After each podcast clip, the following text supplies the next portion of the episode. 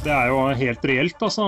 Som jeg var inne på i starten, så, er, så holder jo disse resistente bakteriene til. De verste av de altså, har jo rett og slett bosatt seg på sykehusene og kan angripe pasienter med, med ned, nedslått immunforsvar.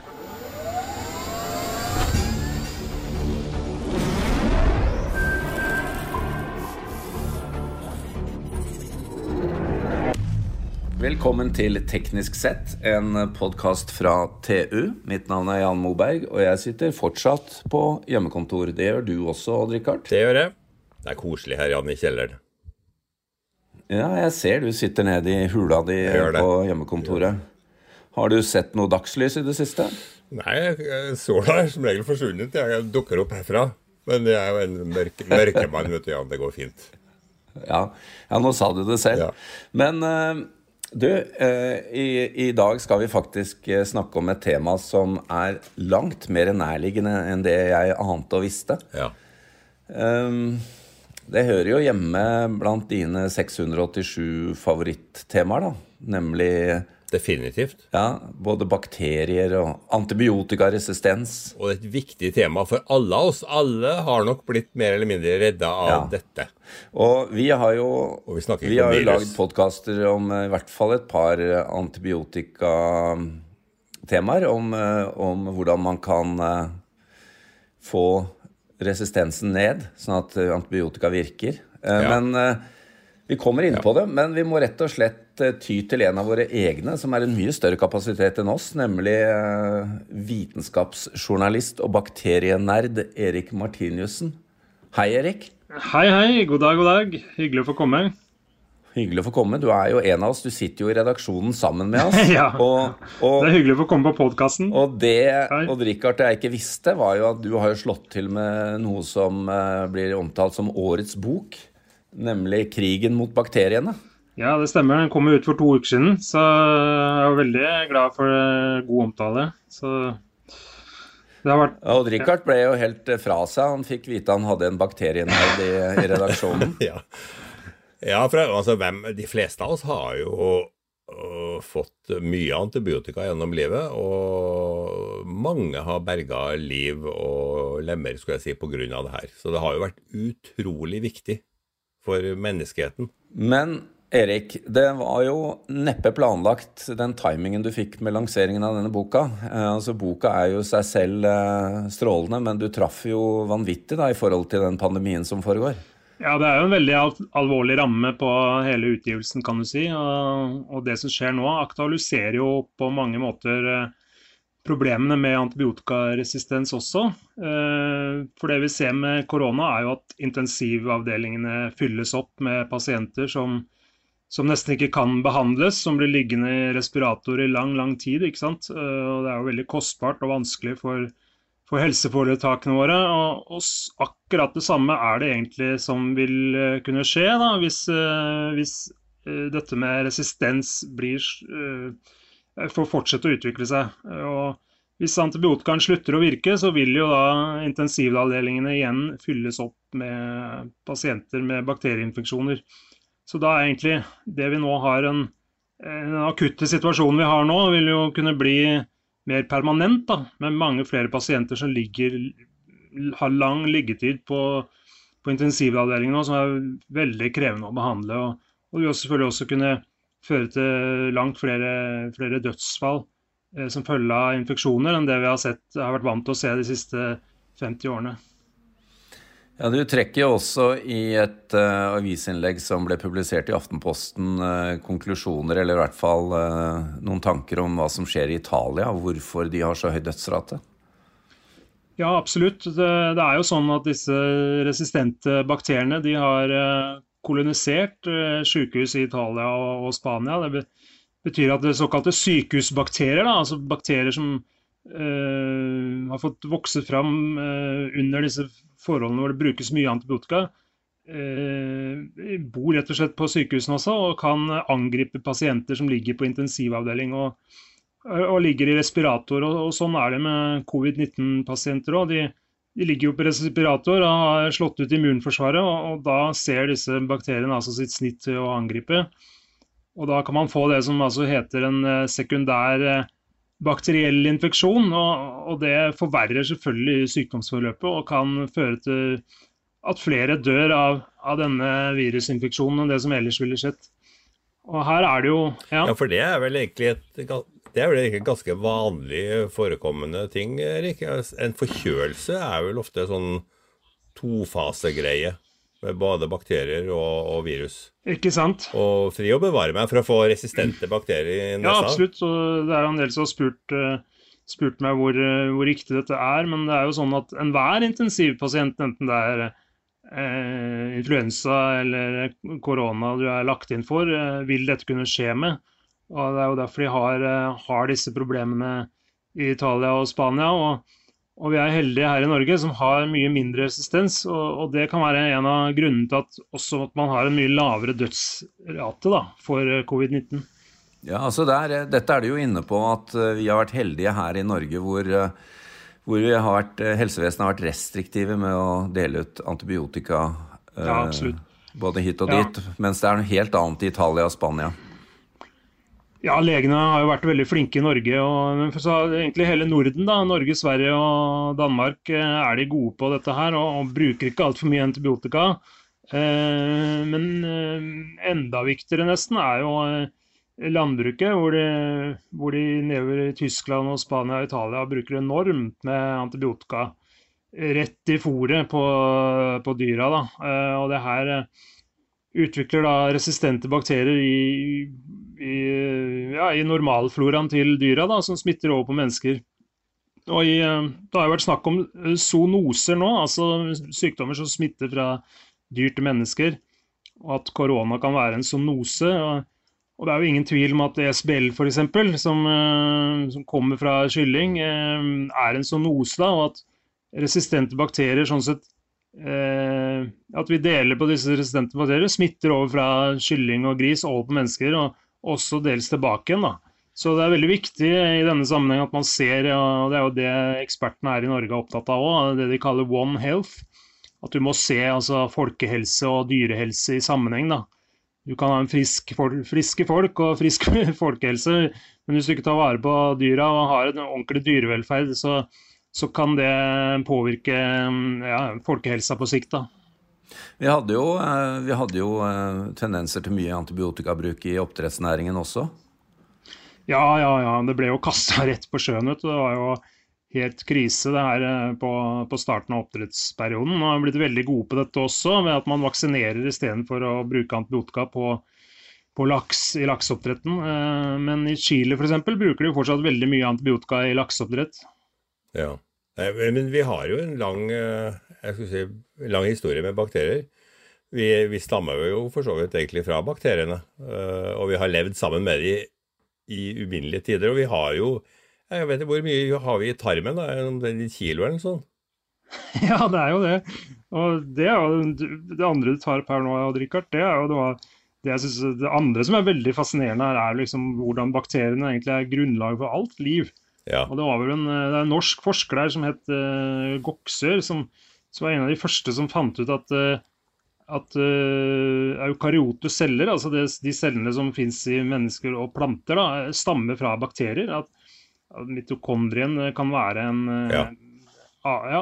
rest av en bakterie, rett og slett. Mm. Så at uh, flercella dyr da, er oppstått fra bakterier. så vi er jo på en måte både Eh, hva heter det, både avhengig og, og Vi kan bare frykte og, og elske bakteriene. vi er veldig voksne bakterier. Ja, det er jo et uh, ja. ja det, det, Skal vi omtale oss som bakteriene Odd-Rikard og Jan? Hva mener du, Odd-Rikard? Verdens største bakterie. Men eh, Erik, det er jo viktig også da å påpeke for de som ikke helt uh, er inne i dette her, at uh, når du snakker om covid uh, her, så er det jo ikke Antibiotika biter jo ikke på den. Det er jo de sekundære sykdommene du snakker om. ikke sant? Ja, absolutt. Og det er jo bra at du sier. For det er jo åpenbart sånn at covid-19 er farlig nok i seg selv til å kunne drepe pasienten. Så det det, det er snakk om, er jo at, at dødeligheten kan bli høyere. da, At flere av de som havner på intensivavdeling, kan få forverra sykdomsforløpet. Og i verste fall fall dø av det. Um, så Sånn sett så kan vi jo håpe på da at flere som havner på intensiv i Norge, overlever. At, det, altså at, at, at, de som først havner på intensiv, får et bedre sykdomsforløp og forhåpentligvis blir friske, aller fleste av de da. Men du skal jo være ganske tøff og frisk for å havne på sykehus, da? ja.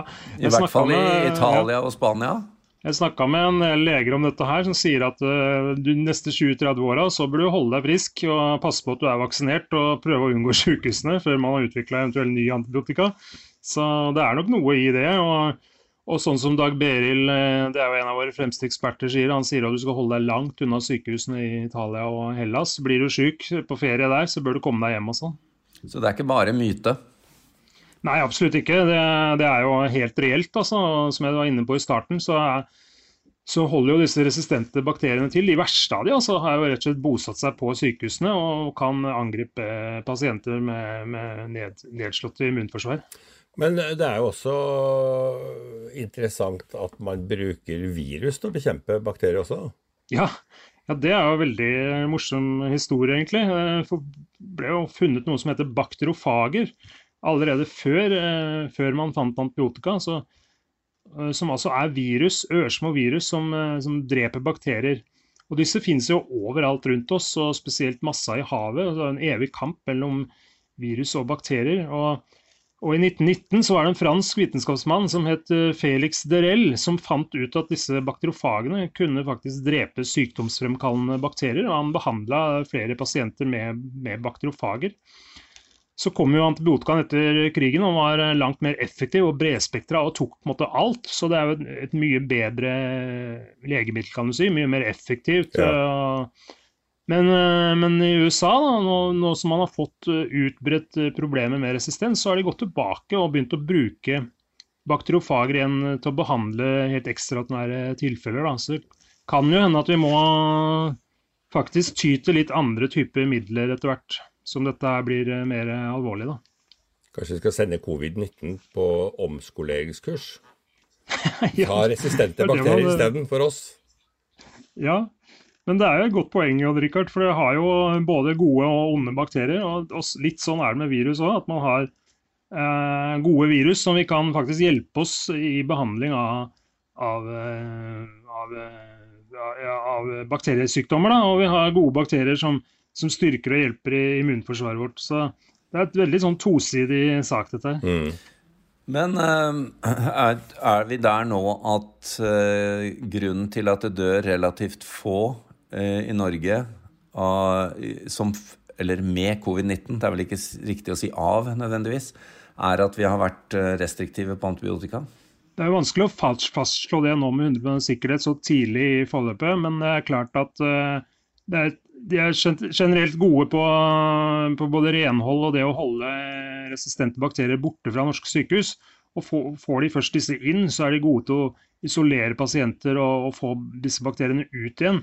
Og Det betyr jo da at uh, hvis du kommer inn som intensivpasient nå på et norsk sykehus med covid-19, så er sjansen for at du får da, en sånn såkalt sekundær bakteriell infeksjon veldig veldig mye mindre enn det er i, i Italia og Spania f.eks.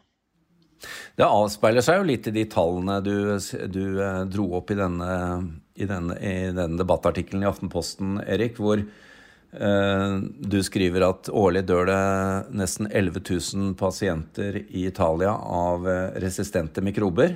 Ja, ja. Mens i Norge ja. er tallet 70.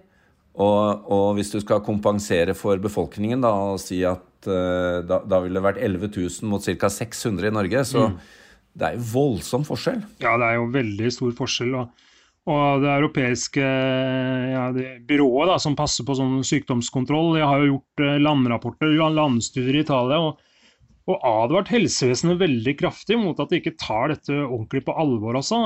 Det er jo lett å, å Når det sitter altså, gamle syke folk inne på sykehusene, når de dør, så er det jo lett å, å ikke tenke på at det er så alvorlig. men men det er jo absolutt det, og dette sprer seg ikke sant, og kan eh, få langsiktige konsekvenser også. Så, så dette er jo veldig viktig å, få, å rette fokus på. Men Odd Rikard, her må vi bare dra opp. Vi, vi har jo laget en podkast bl.a. om uh, dette med sinkbalansen og klare å manipulere den sånn at uh, man tar bort resistensen. Vi har også laget en podkast om disse maskinene som eh, sprer hydrogenperoksid på sykehusene og desinfiserer rom og sånn. Vi har jo faktisk et par tiltak her hjemme i Norge da, som kan avhjelpe dette på sikt. Ja da. Ja, det, det spesielt det der eh, norske maskiner som er utvikla for å spre hydrogenperoksid, som fjerner alt av både virus og alle mikroorganismer. Sopp og virus og bakterier. Og de burde få et, en stor suksess i Italia og Spania nå, vil jeg tro. For det, det hjelper jo ikke om, om, den er resistent. Den er ikke resistent mot hydrogenperoksid. Nei, eh, det, det, er, det er det jo ikke. Men eh, Eh, det jo, går jo faktisk an å gå motsatt vei òg. Det er en del sykehus i Nederland som har begynt å bruke eh, det de kaller for eh, biosåpe, hvor de rett og slett har et, et ufarlige bakterier i såpa som da har på gulvet, og da tar de, de bakteriene plassen, så at sykdomsfremkallende bakterier ikke kan slå seg ned der. Da. Så det er en helt annen retning. Men Eh, det, ja, det er ganske spesielt. Og, men eh, dette har man ikke prøvd seg på i Norge ennå. Det er heldigvis ikke nødvendig, kanskje, foreløpig. Nei. Men uh, De snille over Ja, de snille bakteriene tar plassen fra de slemme. Mm. Vi må jo stille spørsmålet. Vi har jo vært inne på Italia her. Og, og, bør vi Jeg liker jo Jeg er ikke i Italia så ofte, men når jeg er der, så liker jeg jo maten og vinen de serverer der nede. Bør jeg være bekymret for eh, den type konsum? Du kan i hvert fall ha det i bakhodet. Jeg vil ikke, jeg vil ikke fraråde folk å kose seg når de er på ferie i Italia, men uh, men f.eks. en eh, hva er det heter, eh, raw Du bør ikke ha den biffen bør ikke være helt Den bør være gjennomstekt. Og, og, og den skinka du kjøper i butikken, kan, kan godt passe på at du får stekt, den ordentlig da, før du spiser den. Men de generelle helserådene her kommer jo fra Folkehelseinstituttet i Norge òg. At du skal jo, når du kjøper den kyllingfileten, så skal du liksom eh, behandle som at det kan være bakterier på den. Da. Så du må jo steke maten og behandle den ordentlig før du spiser den. Så ja, det gjelder jo selv her hjemme i Norge. Det gjør jo det, ja. ja. ja.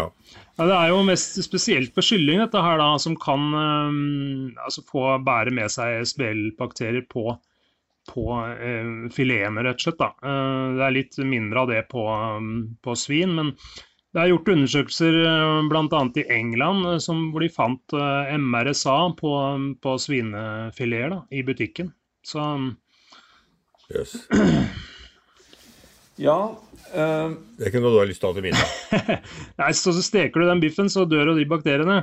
Det er klart, Men det sier noe om uh, dyreholdet. da, at uh, det er, har sine utfordringer i det industrielle landbruket òg. Også her er det jo en del positivt i Norge i forhold til at det er god, eh, godt dyrevelferd på eh, ja, og Bøndene har godt dyrevelferd, og vi har, dyra står ikke altfor tett. Du trenger ikke å bruke antibiotika for å passe på at de ikke blir syke. Jeg kan, jo, eh, jeg kan jo gå mot avslutning her og lese opp hva du konkluderte med i din kronikk, Erik. Her hjemme skal vi nå være svært takknemlige for at vi har et helsevesen som sparer antibiotika til vi virkelig trenger det og bønder som knapt bruker antibiotika på dyrene sine. Sannsynligvis vil vår restriktive antibiotikapolitikk nå spare livet til mange koronapasienter. Det er vel en bra konklusjon? Ja, og det, man kan jo utvide og si det vil jo spare livet til mange pasienter i, i lang framtid, uavhengig av hva de er smitta, egentlig. Så det, det, er, det, er, et voksende og alvorlig problem, dette med resistens. så hvis vi klarer å holde antibiotikabruken nede, så kan vi spare mange liv. Odd Rikard, hvordan er det å, å, innse at du har enda en kollega som er nerd? Jeg synes det er helt flott her, Jan. Det er, og spesielt uh, på dette området her. Gi oss noen gode råd. Erik, du kommer, du kommer, ikke til å få sitte i fred nå. Du vet at Odd Rikard kommer til å komme bort og plage deg hver gang eh, det er noe. Ja, det er bare hyggelig. du, eh, tusen takk for tiden din. Erik, krigen mot bakteriene er å få kjøpt, og vi må jo bare anbefale denne boka. Vi er superstolte at du er vår kollega, og lykke til med salget av boka videre, og budskapet ikke minst.